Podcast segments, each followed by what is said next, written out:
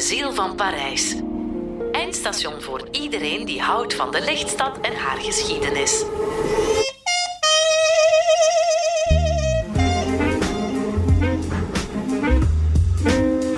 Bonjour, mijn naam is Rick van Puimbroek, journalist bij De Tijd en als reporter een fervent straatloper, omdat ik van dat oude motto hou. De straat is de universiteit van de journalistiek. Daar leer je het. Zo kwam ik de voorbije 30 jaar af en toe in Parijs en ik dacht dat ik de stad wat kende. Tot ik met Dirk Velge, auteur van De Ziel van Parijs, het boek waarop deze podcastreeks geïnspireerd is, door de Franse hoofdstad wandelde. Dirk loopt al meer dan 30 jaar door Parijs en er is de beste man voor. Dat zal u merken als u tien afleveringen lang meewandelt. Je kunt eigenlijk aan de toetsen zien die blinken welke toetsen aan zijn, maar het is de volgorde. Die- Ik denk 9 en 6. Zeker niet 3, zeker niet deze. 5 wordt veel gebruikt. Eh die niet, hè, dus kan ik het proberen. Hè. Nee, omgekeerd. Wat probeert u? Nee, het zijn er maar drie die gebruikt worden. Welkom in aflevering 5. C'est parti. Eerste halte. Rue de l'Odéon. Rue de l'Odéon, dat is linkeroever.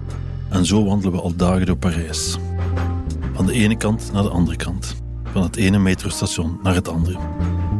Eigenlijk moet je een kaart bij je hebben om georiënteerd te blijven. Nu staan we hier, maar geloof me, morgen ben ik alweer vergeten of dat nu linkeroever of rechteroever was. Zo heeft ieder zijn talent en een van mijn talenten is dat ik blindelings vertrouwen kan hebben in een ervaren gids. Voilà, Rick.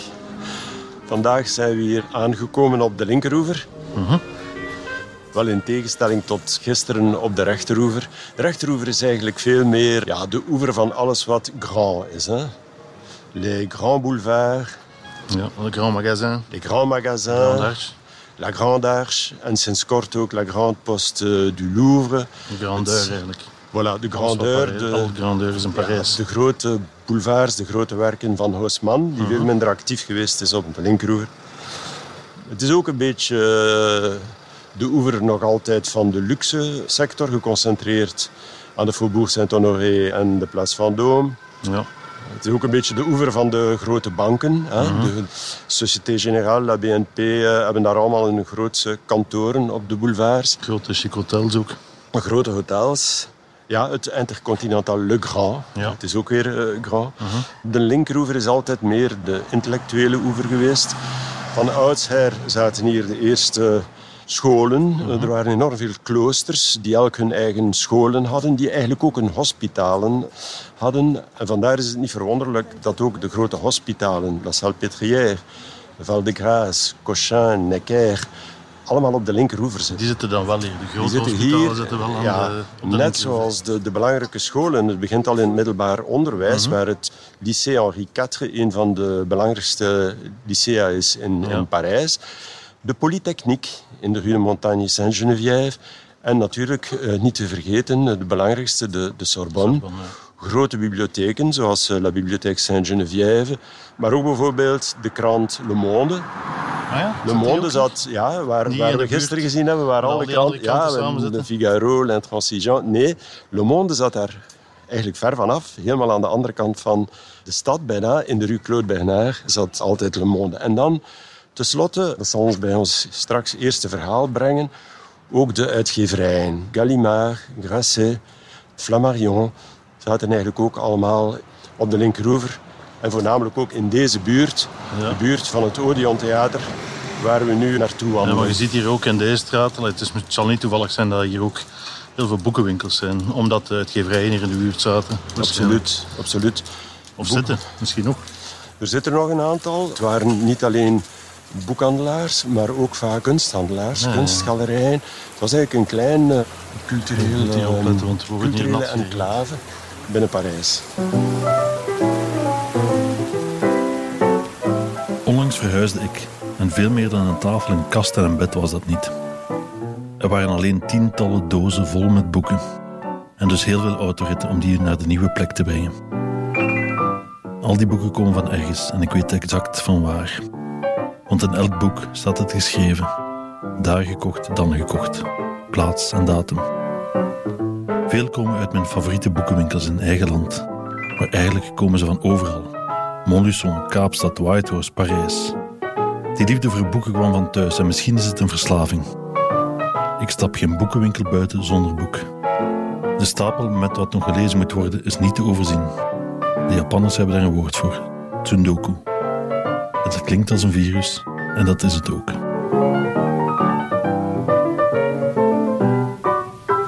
Voilà, kijk, daar heb je nog steeds La Dilettante, een belangrijke Mhm. boekhandel hier op de linkeroever. En daar op die hoek, die werd volledig ingenomen door de uitgeverij Flammarion.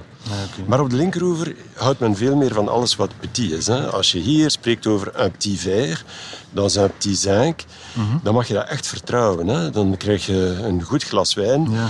weliswaar misschien in een klein bistro, maar het zal een lekker... Ja, eh. Mhm. Trouwens, in de Petit Robert, ook uitgegeven hier op de Zijn we linker, weer bij de staan er natuurlijk ja, staan er ook veel meer woorden dan in Le Grand Larousse. Dus de linkeroever is Petit helemaal geen scheld- of verkleinwoordje. We zijn de Rue de l'Odéon uitgewandeld. We komen op Place de l'Odéon en ik zie daar Odéon Théâtre de l'Europe. Eigenlijk een, eh, toch een groot gebouw met een stuk of zeven zuilen, acht Ja. zuilen misschien. Hotel Michel de is Flammarion. Een, prachtig halve maanpleintje. Hè? wat komen we hier doen? Of, Wel, we gaan, hier, we gaan hier onmiddellijk twee bijzondere vrouwen ontmoeten. En dat zijn Adrienne Monnier en Sylvia Beach. Twee boekhandelaren die spectaculaire zaken hebben verwezenlijkt. Hier in de straat in de Rue de l'Odéon.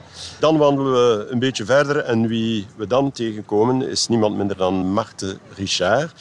Die met haar wet, La Loi Richard, het gedaan gekregen heeft om alle bordelen in Parijs en bij uitbreiding in Frankrijk te sluiten. Vandaar ook haar bijnaam La Veuve Quiclot. je kan Parijs goed kennen, maar om te staan waar we nu staan is meer nodig. Je moet ook de Parijzenaars goed kennen en vooral weten hoe je hen moet benaderen, charmeren en hoe je er iets gedaan van moet krijgen. Dirk kan dat. We staan voor de deur van de Rue de l'Odéon 12. Twee dames komen buiten en Dirk vraagt of we even door de poort mogen om te zien wat hij wil zien. Eén dame twijfelt, de andere niet. Bonjour. Excusez-moi, madame. Nous faisons une euh, émission radio sur euh, Adrienne Monnier et Sylvia Beach. Est-ce Oui. qu'on peut justement, c'est pour... euh, Pardon. il est trop tard. Ah, bonjour, Ah, mademoiselle. Non, pas filmé. Non, non, c'était simplement pour l'ambiance. Oui. Si on pouvait euh, entrer euh, quelques secondes, puisqu'on fait une émission sur Adrienne Monnier Ah oui, d'accord. et Sylvia Beach. Oui, oui. Vous, vous devez Non, partir. elle a habité ici. Ah oui, ben, c'est justement pour ça que... Oui, oui, oui, oui, oui. Et on ne peut pas entrer euh, deux secondes. Ben, C'est-à-dire que... Simplement pour... Je suis désolée, mais il faut qu'on y aille. Oui, oui, ok, on y va. avec tout le respect. Écoutez, vous, vous refermez bien la Et, porte. et on, peut, et on Ouais. peut retirer la porte derrière nous On ne va pas entrer. On ne va pas entrer, hein Voilà. C'est juste le hall.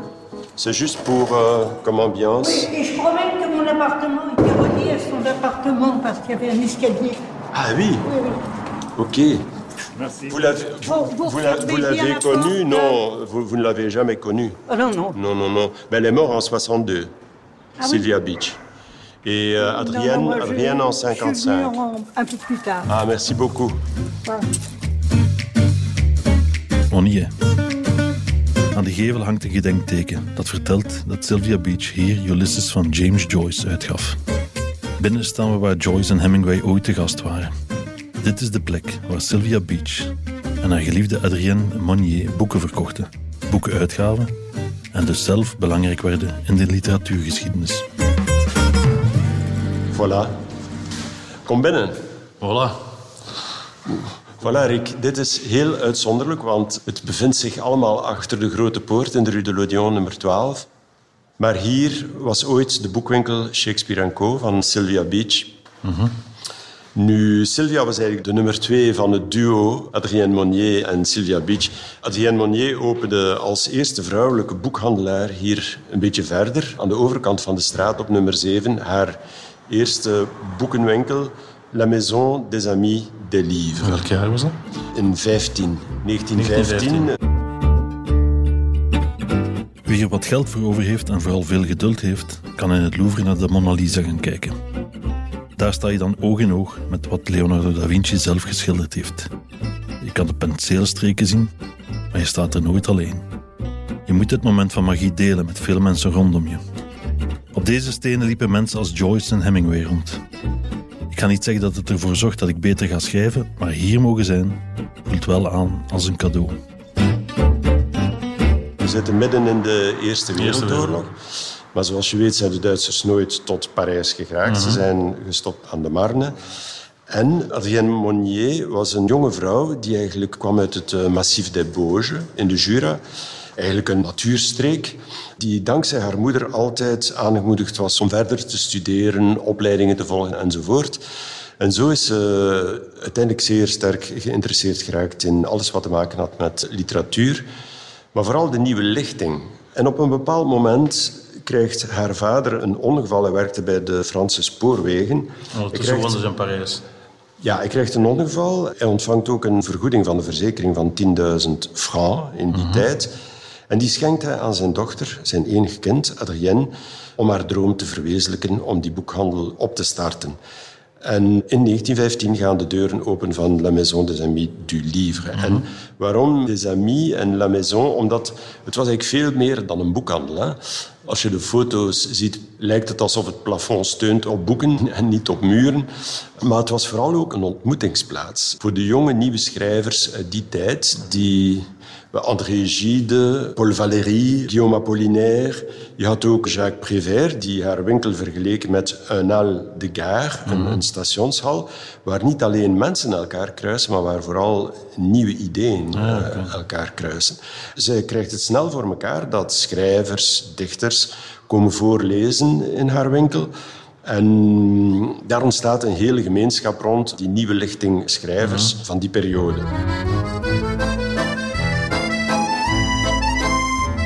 Mooiste aan mijn job is dat je mag binnenkijken op plekken waar bijna niemand anders komt.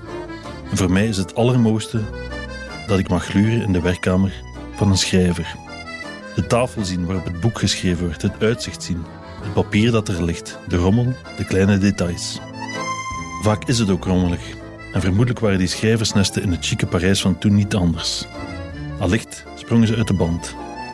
Paul Valéry zei ooit dat elk begin iets anders eindigt. En misschien heeft hij gelijk. Maar ik vind het wel een triest beeld. Ik wil niet bij alles wat nieuw is denken dat het straks toch onherroepelijk gedaan zal zijn. En het is pas later, en eigenlijk door een toeval, als ze Sylvia Beach leert kennen. Sylvia is geboren in de Verenigde Staten, in Maryland, in Baltimore, Maryland. En ze is al met haar vader, die een dominee is. Die dominee heeft al een opdracht gekregen in Parijs. Dus als kind is ze ooit in Parijs geweest, in 1906. Dan keert ze terug naar de Verenigde Staten. Maar het zint haar daar minder dan wat ze aangevoeld heeft in Parijs, die toch meer de stad van de vrijheid, die nieuwe literatuur, die, het trekt haar allemaal aan. En ze keert terug naar Parijs om haar studies te volmaken aan de Sorbonne. En daar heeft ze bij haar literatuurstudies een tijdschrift nodig dat ze nergens vindt in Parijs. En ze krijgt te horen dat er maar één plaats is waar het eventueel zou te krijgen zijn, als het ooit te vinden is. Dan zal al het komen. zijn, voilà, Bij, bij Adrienne Monnier. En op een winderige dag, dat blijkt zo te zijn, want haar goed waaide af, steekt Sylvia Beach de deur open van de winkel van Adrienne Monnier. Haar hoed waait af. Adrienne komt buiten, loopt er snel achteraan, want ze kent ook de buurt goed, en geeft de hoed terug aan Sylvia. Maar ze geeft niet alleen die hoed terug. Ik denk dan dat er iets magisch gebeurd is, want ze zullen hetzelfde beroep uitoefenen, elk aan hun kant van de straat, elk voor hun doelpubliek. Adrienne wil de nieuwe jonge Franse garde lanceren. En Sylvia Beach zal aan de overkant in haar winkel die ze zal opstarten, Shakespeare Co., zal de jonge Anglo-Saxische garde lanceren en promoten. Maar wat er vooral overslaat, is ook een liefdesvonk. Ah, oké. Ze hebben elkaar wellicht in de ogen gekeken, want ze zijn eigenlijk gedurende 15 jaar ook liefdespartners geweest. En woonden samen hier boven in de Rue de l'Odéon, nummer 12, Waar we nu staan. Of in dit. waar we nu staan. Maar hier is nu geen boekenwinkel meer, maar we kunnen hier wel even kijken naar de binnentuin waar dat Sylvia en dan... Uniek, hè? Gaan we Rick? Proberen we? Proberen we? Ja, het lukt. Ga maar, Rick. Ah, dank u. Naar u. Ja, hier eh, dat is wel een plek met geschiedenis nu. Het is uniek. Ik ben zoveel in Parijs geweest. En eerste keer dat je het is de eerste keer dat ik hier zelf... Ik ben hier in de hal al geweest, maar in deze binnentuin. En dit ziet er werkelijk uit alsof het in die jaren moet zijn geweest. Hè? Je ziet dat er hier ja, qua structuur niks veranderd is. er kan niet veel veranderd zijn. Never as good as the first time, zong de Brits-Nigeriaanse zangeres Sade ooit en ze had gelijk. Dirk staat hier voor de eerste keer en als hij hier ooit nog eens komt, zal hij nooit dezelfde sensatie hebben als vandaag. Toen ik voor de eerste keer mijn naam onder een artikel in de krant zag staan, glom ik van trots. Ik knipte het uit en ergens in een van die verhuisdozen zit dat artikel nog. De eerste kus, de eerste fiets, de eerste keer andouillet eten. Onvergetelijk. Alleen vader worden bent nooit. Dat is telkens weer zo geweldig als de eerste keer. Dus hij woonde op een, Alle- in een van die appartementen. Ze woonden hierboven. hierboven. Die waren hier ook thuis. De winkel van Sylvia Beach, dan met Angelsaksische literatuur, was eigenlijk een evenbeeld van de winkel van Adrien Monnier qua gastvrijheid. Ze, Ontmoetingsplaats ook van, van ontmoetingsplaats. schrijvers. In die tijd zorgden zij zelfs ook voor de post van die schrijvers. Die schrijvers zaten wat overal, zeker die Angelsaksische Maar er waren schrijvers. alle Anglo-Saxische schrijvers die dan hier Ja, kwamen. hier, die in. Parijs al zaten. Of die in Parijs zaten, of die doorreizen naar Italië, Ja. naar Spanje, en die eigenlijk ja, een adres moesten hebben. En, en Ah, hun post kwam hier post toe. kwam hier toe. Ah, en, en Joyce had hier een kantoor. Dus Ah, ja? ik weet niet waar het juist moet geweest zijn, want de winkel was daar. Hier is de tuin. Het moet daar in die hoek Dus wat eh, misschien ja. geweest zijn. Ja, Dus dat ook te schrijven. ja, om te schrijven, om zijn correspondentie te voeren enzovoort. Want in 1922 is Joyce eindelijk klaar met zijn titanenwerk Ulysses. Maar heeft hij het goed ingeschat of niet? Maar twee dames, om hem te steunen of om het werk te promoten, hebben in de Little Review in, in de Verenigde Staten enkele uittreksels gepubliceerd van Ulysses. Een soort Voor, voor... voor publicatie. Ja. Maar die voorpublicatie wordt onthaald op hoongelag, op grote weerstand. Ah, ja? De twee dames van de Little Review worden voor de rechtbank gesleept wegens pornografische inhoud. En de rechter legt een publicatieverbod op. En dus de uitgever trekt zich terug. Ah. Joyce blijft zitten met zijn dikke manuscript en vindt geen uitgever. Terug in Europa zal het Sylvia Beach zijn die al haar persoonlijke spaarcenten Mhm. en haar energie in de weegschaal gooit om het zelf te publiceren. Ah.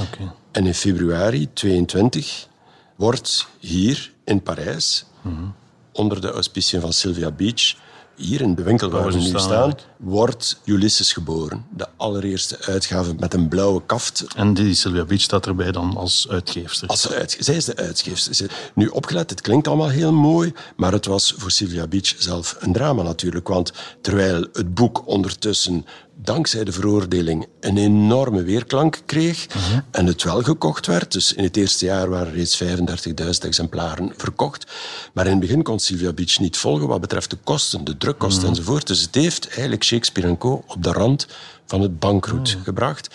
En dan heeft Joyce haar kunnen overtuigen om de rechten af te staan aan Random House. En op dat moment, ja, dat, het was net op tijd, omdat het boek nog in circulatie steeg. Maar dat heeft haar boekhandel gered. Wie met de naam Beach geboren wordt, stapt denk ik anders in het leven. In zo'n naam zit water en zand, eb en vloed, avontuur. Van op een strand vertrok Christoffel Columbus op ontdekkingsreis. En Sylvia Beach werd niet geboren om altijd in Baltimore te blijven. Sylvia kwam naar Parijs, begon er een boekenwinkel en gaf het werk van een Ierse schrijver uit. Voor Sylvia Beach was la vie geen long fleuve tranquille. Ze bevaarde woelige zeeën en trotseerde wilde golven. En dat heeft dan ook aan de andere kant op dat moment weer de boekhandel gered. Of het waar is of niet, weet ik niet. Maar uit wat ik erover gevonden heb, is dat Joyce daar eigenlijk weinig dankbaarheid heeft voor betoond. Want dat Sylvia Beach eigenlijk daar ook niks meer van ontvangen heeft. En uh, ja, het is misschien een kleine kant van een grote man. You see, I met Joyce one day at a party, a party that I wasn't supposed to attend at all as I wasn't invited. But Adrienne Monnier took me, and it was the house of a French poet named André Speer, who was a friend of Ezra Pound. And Ezra Pound had just lured Joyce and his family to Paris, and he had him invited to this party. And so uh, we were really, both of us, uninvited. And when I got there, the host, uh, Andre Speer, whispered in my ear, The Irish writer James Joyce is here. So you see, he must have known already the importance of James Joyce. And uh, I was so frightened, so scared, and I, I imagined Joyce up in the clouds somewhere with the gods, you see. I never thought I could meet him in the flesh, and it seemed terribly frightening. And I thought at first I would run home, but I didn't. Maar ze, ja, ze zijn dan hier gebleven met haar boekenwinkel. Want buiten zie je, het is geen boekenwinkel meer, al lang niet meer. Nee. Buiten zie je wel een kleine verwijzing. Maar hoe is het dan hier verder afgelopen? Want zij en Monnier. die hadden dan een relatie en Ja, bleven het- gewoon verder doen wat ze deden. Even verder doen. Het ging eigenlijk heel goed. Hè. Het waren twee bruisende boekhandels. Zo bruisend zelfs dat ze aanstekelijk waren dat er nog andere boekhandels bij kwamen. Er waren hier ook kunstgalerijen. En het bruiste zodanig dat ze heel de buurt vanaan het Théâtre de l'Odeon tot hier verder het standbeeld van Danton op de boulevard Saint-Germain, dat ze heel dit culturele broeinest, dat ze dat een eigen naam gaven. Het was precies alsof het een eigen kleine republiek was binnen de republiek. Ze noemden dat Odeonia. Een kleine republiek. Ja, dan pakten er wel donkere wolken samen. Want ja, vanaf 1933 kregen zij ook bezoek van Duitse schrijvers.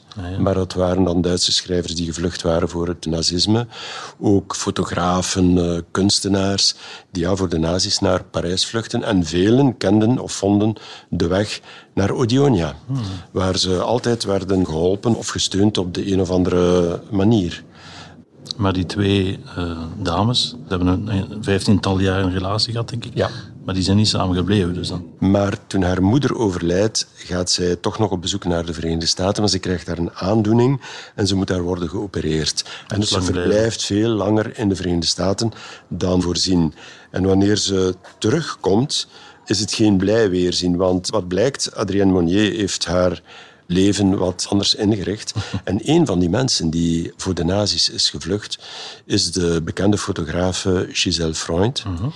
Ja, Giselle is ook hier terechtgekomen en heeft kennis gemaakt met Adrienne Monnier. En blijkbaar is het hart van Adrienne Monnier toen bezweken voor Giselle Freund. Die was er al ingetrokken en op dat moment is Sylvia Beach dan ja, alleen gaan wonen boven de boekhandel. Maar uit alles wat ik kon opmaken, bleek het toch eigenlijk een soort ménage à trois te worden. Ze aten samen, ze bleven heel goed samenwerken. Alleen, ja, het nieuwe koppel was Adrienne Monnier en Giselle Freund. En eh, Sylvia Beach is eigenlijk bij mijn weten de rest van haar leven alleen gebleven. Tot wanneer heeft dat boekenwinkel bestaan, weet je? Ja, de boekwinkel heeft effectief bestaan tot 41. Midden eigenlijk het eerste jaar van de Eerste Wereldoorlog. Hoe komt dat? Het is eigenlijk heel eenvoudig. Hè? Dus eh, de Duitsers bezetten Parijs op 14 juni, maar op dat moment is Duitsland nog niet in oorlog met Amerika. Het is pas vanaf 7 december, wanneer de Japanners Pearl Harbor bombarderen, dat Amerika in oorlog komt met. Japan. We interrupt this broadcast to bring you this important bulletin from the United Press. Flash, Washington. The White House announces Japanese attack on Pearl Harbor. Stay tuned to WOR for further development. Daar maken de Duitsers ook gebruik van om de oorlog te verklaren aan de Verenigde Staten. En plots, van de een op de andere dag, zijn een 5000 Amerikanen die toen nog in Parijs... De overgrote meerderheid is vertrokken. Er waren ongeveer 30.000 voor de oorlog. De overgrote meerderheid is vertrokken bij het uitbreken van de oorlog. Waren voor de bezetting van Parijs weg. Maar er waren, ik rond af, 5000 die gebleven waren. Zo ook was Sylvia Beach gebleven in haar boekhandel. Ehm, met mijn draad kwijt.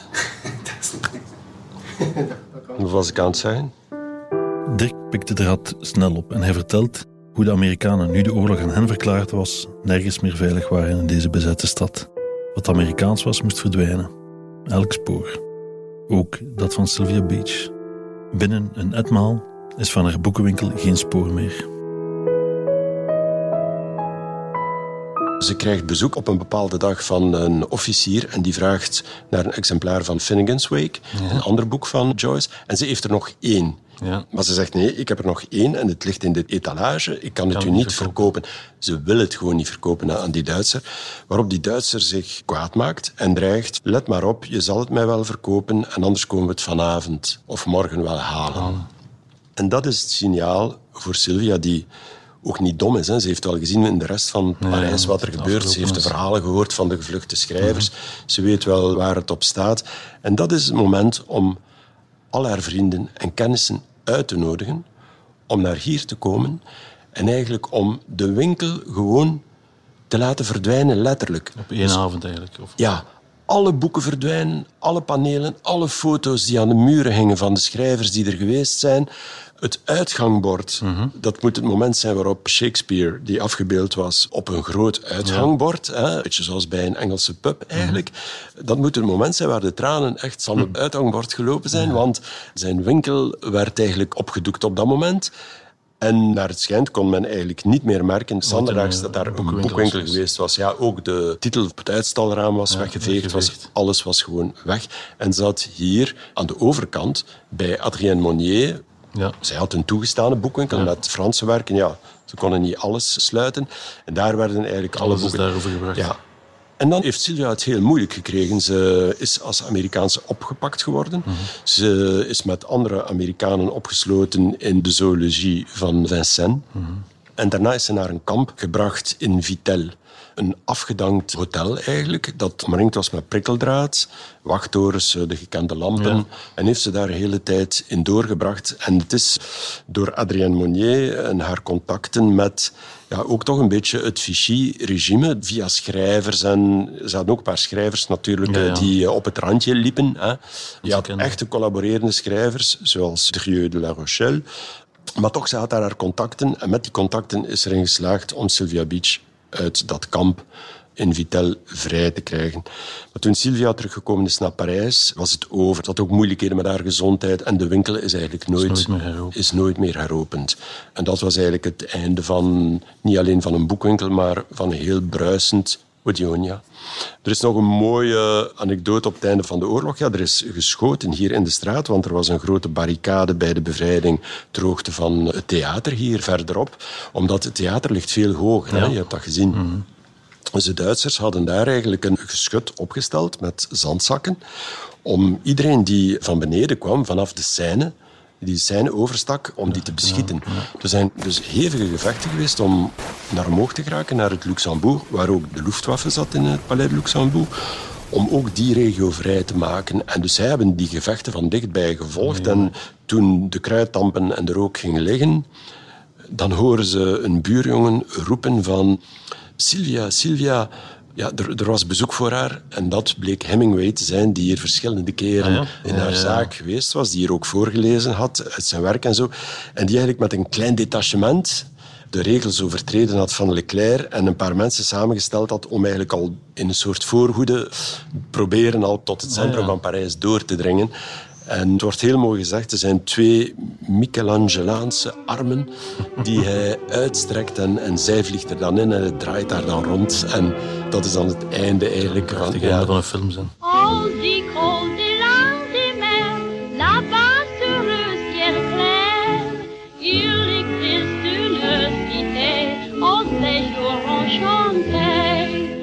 van een film zou het ook zijn. Ja.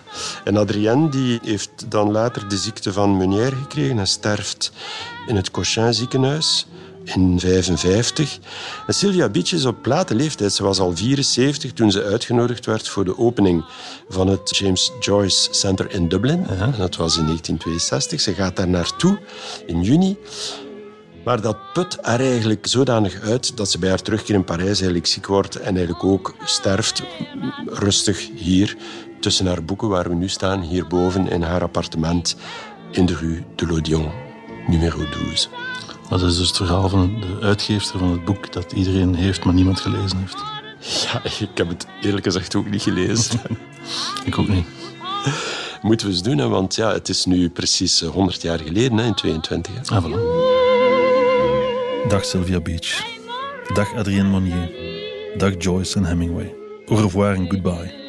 Ik neem afscheid van jullie, maar niet zonder nog één keer jullie namen te laten klinken in de straten en tegen de muren van de Rue de l'Odéon.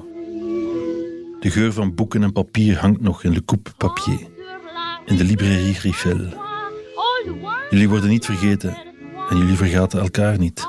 In goede en kwade tijden, daarvoor bestaan die woorden. Soms was het mooi, soms was het moeilijk. Maar nu wij jullie verhalen en jullie levens en boeken lezen, krijgen jullie het allermooiste geschenk. Dat van het eeuwige leven.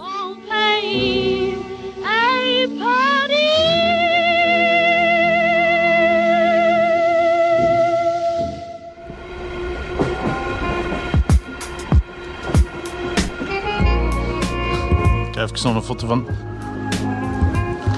Oké. Bon. Dat was een geweldige meevaller. Hè? Ik maak nog een foto van het gedenkteken op de gevel en van de namen op de bellen. Beach en Monnier zijn er niet te vinden. Vandaag heten de mensen hier Dumé, Breton Herskovic, Makama, Costello en Tom. Ik maak ook een foto van Dirk voor de deur van dit bijzondere pand. Shakespeare Co. is weg, maar het verdwijnt nooit. We gaan zo meteen verder, na dit. Volgende halte. Rue Saint-Sulpice. Dit begin zal aarzelend zijn, want ik weet dat ik over woorden ga struikelen. La Veuve Kiklo is de juiste titel van dit hoofdstuk. Maar u hoorde dat ik bijna Veuve Clicquot zei. Niet dat ik dat dagelijks drink, au contraire. Maar waar het hart van vol is, loopt de mond soms van over. Grappig genoeg vallen de twee waar we nu staan wel samen. Niet alleen stromen in deze buurt harten en glazen regelmatig vol, maar er is nog iets. Het bekende champagnemerk werd genoemd naar de weduwe die de plak ging zwaaien toen haar man vroegtijdig overleed. En dit verhaal verwijst naar een vuive die Marthe Richard heette. Een ervaringsdeskundige die de achterkamers van Parijs, waar aan lust en drank geen gebrek was, eigenhandig sloot.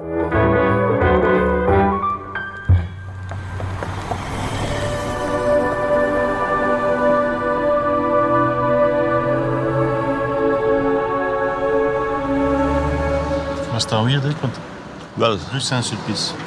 je kan het toch niet geloven. We komen hier net buiten uit de kerk. We staan nog op de trappen. De koorgezangen Die achter ons, prachtige koorgezangen. Maar kan je geloven dat wat je hier recht voor ons ziet, pal tegenover de zijuitgang van de Saint-Sulpice, dit lange, smalle gebouw, Ja. wat zou dit kunnen zijn? Eh, ja, ik heb geen idee. Ik zie alleen maar nummer 36 en een grote poort en een lang smal gebouw. Ja. Een heel lang, smal, hoog gebouw. Veel verdiepingen, vele kamers. En die 36 valt er jou iets op aan het huisnummer. Als je kijkt naar de andere huisnummers, nummer 38, Ja, het is, nummer eh, 34 en Opvallend pal daar kleurrijk. midden. En zeker niet de, de gewone huisnummers die je in Parijs Ja, ziet. inderdaad. Het is een onreglementair huisnummer. Want Ah, ja? om reglementair te zijn, moeten de huisnummers bij wet een wit cijfer op een blauwe achtergrond tonen. En dit toont iets heel anders. Iets, ja, ik denk eerder aan de Provence, Ja, aan de olijftakken. Het is een blauwe fond met een frivole gele 36 erop geschilderd. En hier gebeurde ook iets speciaals, want dit is niets minder dan l'abbaye. En l'abbaye is niet wat de naam zegt Geen abdij. is geen abdij. L'abbaye was het luxe bordeel, het maison close voor de geestelijkheid.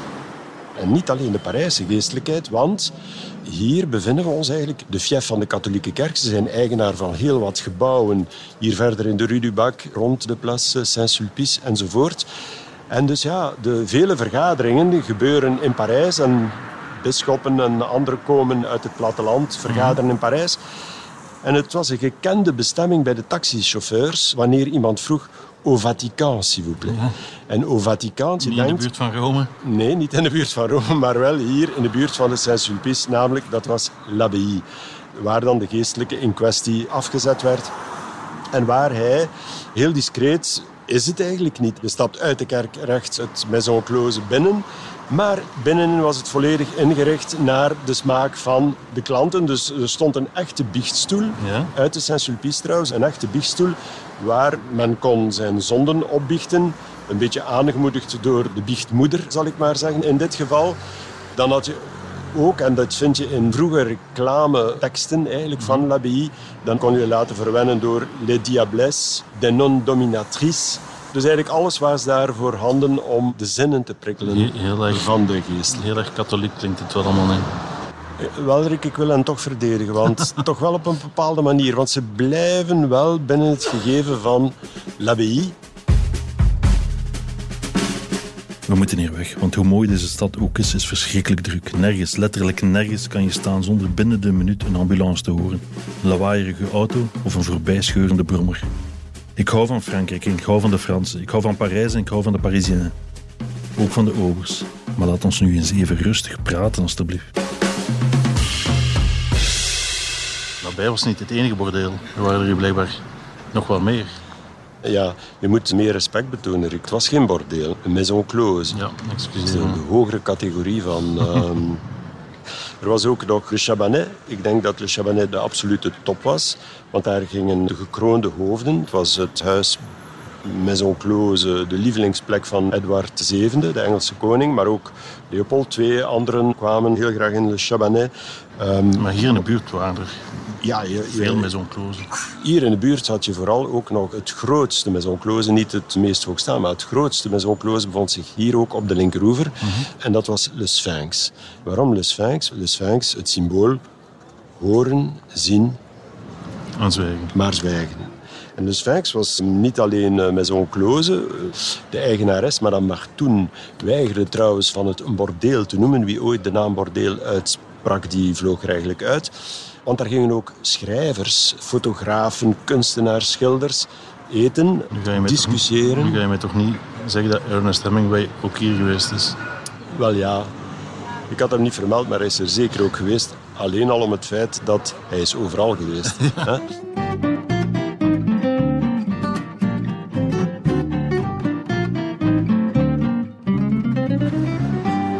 Maar er waren ook op de rechteroever belangrijke maison closes. En die concurreerden allemaal met een ander unique selling proposition. Ah. Een van de grappigste is Le 122, genaamd naar het huisnummer. Ah, oké. 122 in de Rue de Provence. En daar had de eigenaar, Marcel Jamet, het idee opgevat om een soort erotische Tour de France te doen. Mhm. Dus een rondreis doorheen het land, doorheen de wereld. Wat moet ik me daarbij Op een erotische wijze. Wel, je begon eigenlijk al met la cuisine française. Als je daarvoor opteerde, dan... eh, ja, je ziet Marcel Jamet daar staan met een braadspit. Met dan twee van zijn naakte filles à la cuisse légère. hè, waar de klant zich dan kon mee vermijden. Je, je kon dan ook naar een kamer die luisterde naar de naam La Campagne.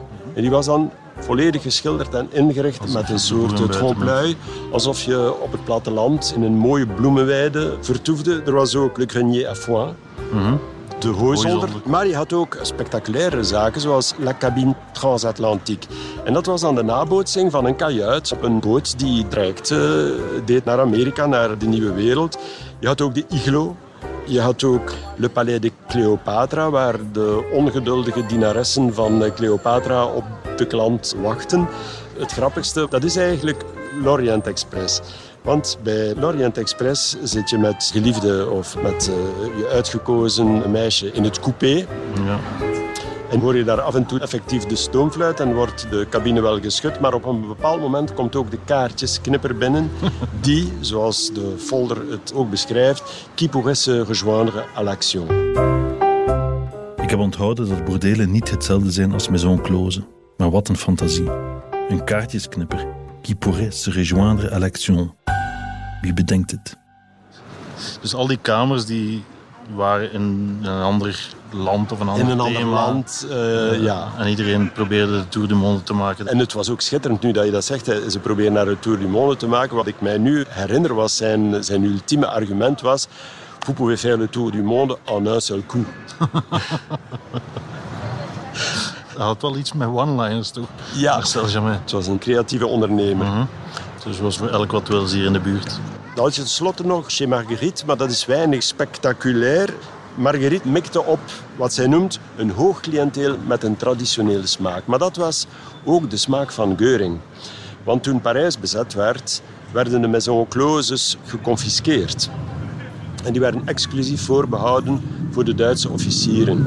De gewone soldaten van de Weermacht die konden beroep doen op de talrijke gewone bordelen in Parijs. En dat alles werd ook in goede banen geleid door de Duitsers. Een soort sanitair kapitein, speciaal was aangesteld, kapitein Hauke. Hoe, ja, hoe liep het af van de oorlog? Ja, de Duitsers hebben verloren. Hoe is het afgelopen met die Maison Close? En vooral ook met die Maison Close, die dan eigenlijk... Ja, je kan ook zeggen dat die gecollaboreerd hebben met de Duitsers. Absoluut, absoluut. En het is heel opmerkelijk wat daar gebeurd is. Daar ja, was de visie eigenlijk van de Fransen dat die meisjes eigenlijk hun werk gedaan hadden. Ze werden ervoor betaald, het was hun werk, ze konden niet anders. En het zijn eigenaardig genoeg niet zij die kaalgeschoren geweest zijn, die vervolgd werden. Ze werden eerder aanzien als een slachtoffer eigenlijk, van de bezetting, dan wel als profiteuses. Terwijl ja, gewoon huisvrouwen die omwille van hun broden of om iets bij te verdienen of, of gewoon om door de oorlog heen te geraken, die een Duitse minnaar namen, die zijn dan wel Dat waren dan eh, wel de collaborateurs. Ja, dat waren dan wel... eh, De economische collaborateurs soms zelfs. Ja, er waren wel les poules eh, de Bosch. Om te zwijgen van mensen als Chanel of eh, Ja. Arletty, die heeft niet gecollaboreerd, Chanel wel. Maar dit was nog een andere categorie. Mhm. En die werden eigenlijk relatief met rust gelaten. Wat niet het geval was voor de uitbaters. Ja. De uitbaters die werden wel vervolgd, die liepen wel veroordelingen op. En toen dook ook een bijzondere figuur op. Er was een dame, Marthe Richard. Marthe Richard heeft een bewogen leven dat we nu niet helemaal kunnen vertellen. Als Dirk het nu even niet kan vertellen, zoek ik het met plezier op in zijn boek. Want het prikkelt me. Wie was deze vrouw? Ik lees het in Dirks boek. Marthe Richard was verpleegster in Wereldoorlog 1, pilote tussen de oorlogen in en in Wereldoorlog 2 zou ze gecollaboreerd hebben. In het boek dat ze zelf schreef, L'héroïne de deux guerres, is van dat laatste geen spoor. Ze zou vooral bij de weerstand actief zijn, zo beweert ze. Marthe Richard poetst niet enkel haar oorlogsblazoen op in L'héroïne de deux guerres, ze heeft ook werk om, zoals Dirk schrijft, een plaats te veroveren in de geschiedenis van de goede zeden. Want deze heroïne was vroeger zelf prostituee geweest. Het politieke vuur ontlook in deze vrouwen en ze had een missie. De maison close en andere vormen van prostitutie aan banden leggen. Ze was dus gemeenteraadslid van het vijfde arrondissement. En eerst gaat zij streven naar een wet om in Parijs de bordelen, de maison close, de gewone bordelen, alle vormen van prostitutie te verbieden. Het is zogezegd uitbuiting van de vrouw. Het moet er nu maar mee gedaan zijn. Wel, je zou denken dat ze vrouwlievend was Ja? en dat ze eigenlijk wilde een eind maken aan de seksuele uitbuiting van de vrouw. Maar eigenlijk had ze een totaal ander motief. Marthe Richard was namelijk zelf prostituee geweest. Reeds op heel jonge leeftijd, tijdens de Eerste Wereldoorlog. Zij komt uit de Elzas. De eerste dienst die ze deed was eigenlijk aan de kazerne van Nancy, waar zij verplicht werd door haar pooier tot 50 pas per jour te doen. En la pas is de eenheidsmaat van de prostitutie. 50 Ze moest per dag. 50 pas per dag doen en het geld afgeven aan haar pooier. En op een bepaald moment komt ze in aanraking met de politie en komt ze terecht in de Fichier National de la Prostitution. En eenmaal ze daarin zit, zal ze achteraf, naarmate ze ouder wordt en haar leven verandert, zal ze er alles aan doen om uit die fichier verwijderd te geraken. En dus wat doet ze? Zeer intelligent. Ze maakt eigenlijk het vernietigen van de Fichier National de la Prostitution, Ja. maakt ze tot een onderdeel van de wet Marthe Richard. Dus de wet gaat niet alleen over het sluiten van alle maison closes, bordelen en oorden van ontucht. Tegelijk met het zogezegd afsluiten van die duistere periode van de prostitutie wordt ook eens en voorgoed het Fichier National vernietigd. Wijze- misschien. en op die wijze verkrijgt ze dat ze eindelijk uit die fichier verdwijnt. En effectief in 1946 worden alle bordelen en maison closes van Parijs gesloten. Marthe Richard is er ook in geslaagd als enige om water en vuur te verenigen. Ja. Het was eerst een reglementering in Parijs, de sluiting. Maar dan heeft zij het verder geduwd op nationaal niveau in de Assemblée. En daar is ze erin geslaagd, eigenlijk via haar lobbywerk, om twee partijen die water en vuur waren, namelijk de Katholieke Partij en de PCF, Parti Communiste Français, die alle twee in hun puritanisme te verenigen om die wet te stemmen. En het is eigenlijk de enige wet die met die meerderheid van communisten en katholieken gestemd is. had twee grote categorieën prostituees. Hè. Je had wat men noemde les encartés en les insoumises. Les encartés, dat waren de prostituees die geregistreerd waren. Op gelijk welk niveau. Maison close, gewoon bordeel, straatprostitutie. Die hadden een kaart. En eigenlijk dat verplichtte hen van zich om de week of twee weken medisch te laten onderzoeken. Die waren ook geregistreerd bij de politie. Die, als die geagresseerd werden, dan konden zij beroep doen op bescherming, tot in zekere mate. Ook in de maison close werden de arbeidsomstandigheden gerespecteerd. Die encartés waren eigenlijk wel beter af, eigenlijk, omdat die in een soort ja, min of meer wettelijk kader werkten. Terwijl zijn soumise, die wilden zich niet onderwerpen aan de wet en die hadden geen kaart. Die waren ook niet geregistreerd. Men wist niet wie dat allemaal waren. Als zo'n meisje verdween, zo'n meisje vermoord werd... Was er geen spoor meer van. Was er geen spoor meer van.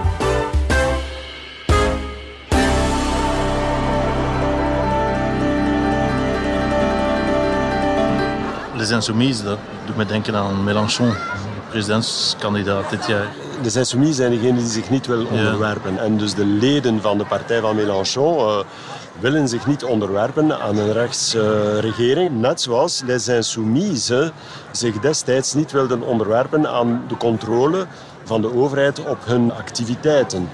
Maar uiteindelijk is het voor de dames in kwestie helemaal niet zo'n goede zaak geweest, omdat ja, van vandaag op morgen viel elke zekerheid weg. Ook de encartés werden plots van vandaag op morgen de. Ja. En werden de duizenden vrouwen die in de prostitutie werkten, allemaal de illegaliteit ingejaagd. Want de bordelen, de maison close, werden gesloten. En dan verschoof de activiteit gewoon naar de chambres garnies, des hôtels de passe en de straat. Maar de doelstelling van Marthe Richard was verwezenlijkt. Zij was verwijderd uit de fichier. Ze had gescoord met haar wet. Ze is de geschiedenis ingegaan als ja, de vrouw van La Veuve Quiclot. Ik verdwijn in gedachten even van deze plek, want Jean-Luc Mélenchon dringt zich op in mijn hoofd. Hij was presidentskandidaat voor La France Insoumise. Maar zou hij dit verhaal kennen? Zou hij weten dat die naam een bezware betekenis heeft? Kent hij Marthe Richard in haar geschiedenis? En haar politieke agenda. Ik kom weer bij. We staan nog altijd in het midden van Parijs. En ik heb honger. Kom, on va manger.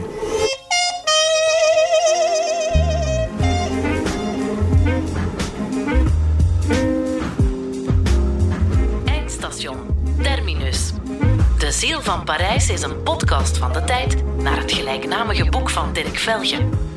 Journalist Rick van Puinbroek was uw metgezel op deze trip. Montage en productie door Stef Leenaerts en Jordan Hudson. De klank lag in de magische handen van Damien Timmerman. Karel Dirk schreef de scenario's en regisseerde opzet. Speciale dank aan Anke de Veerman, Anne-Sophie Moerman, Sandrine Timmerman en uitgeverij Hannibal. Ben je benieuwd naar nog meer Parijse verhalen? Luister dan snel naar de volgende aflevering en abonneer je op ons kanaal. Ook een review mag altijd. Hij is de man die Parijs heeft gespaard. Dus moeten we hem misschien toch een beetje dankbaar zijn. Voilà. Dank u wel. Merci beaucoup et à bientôt.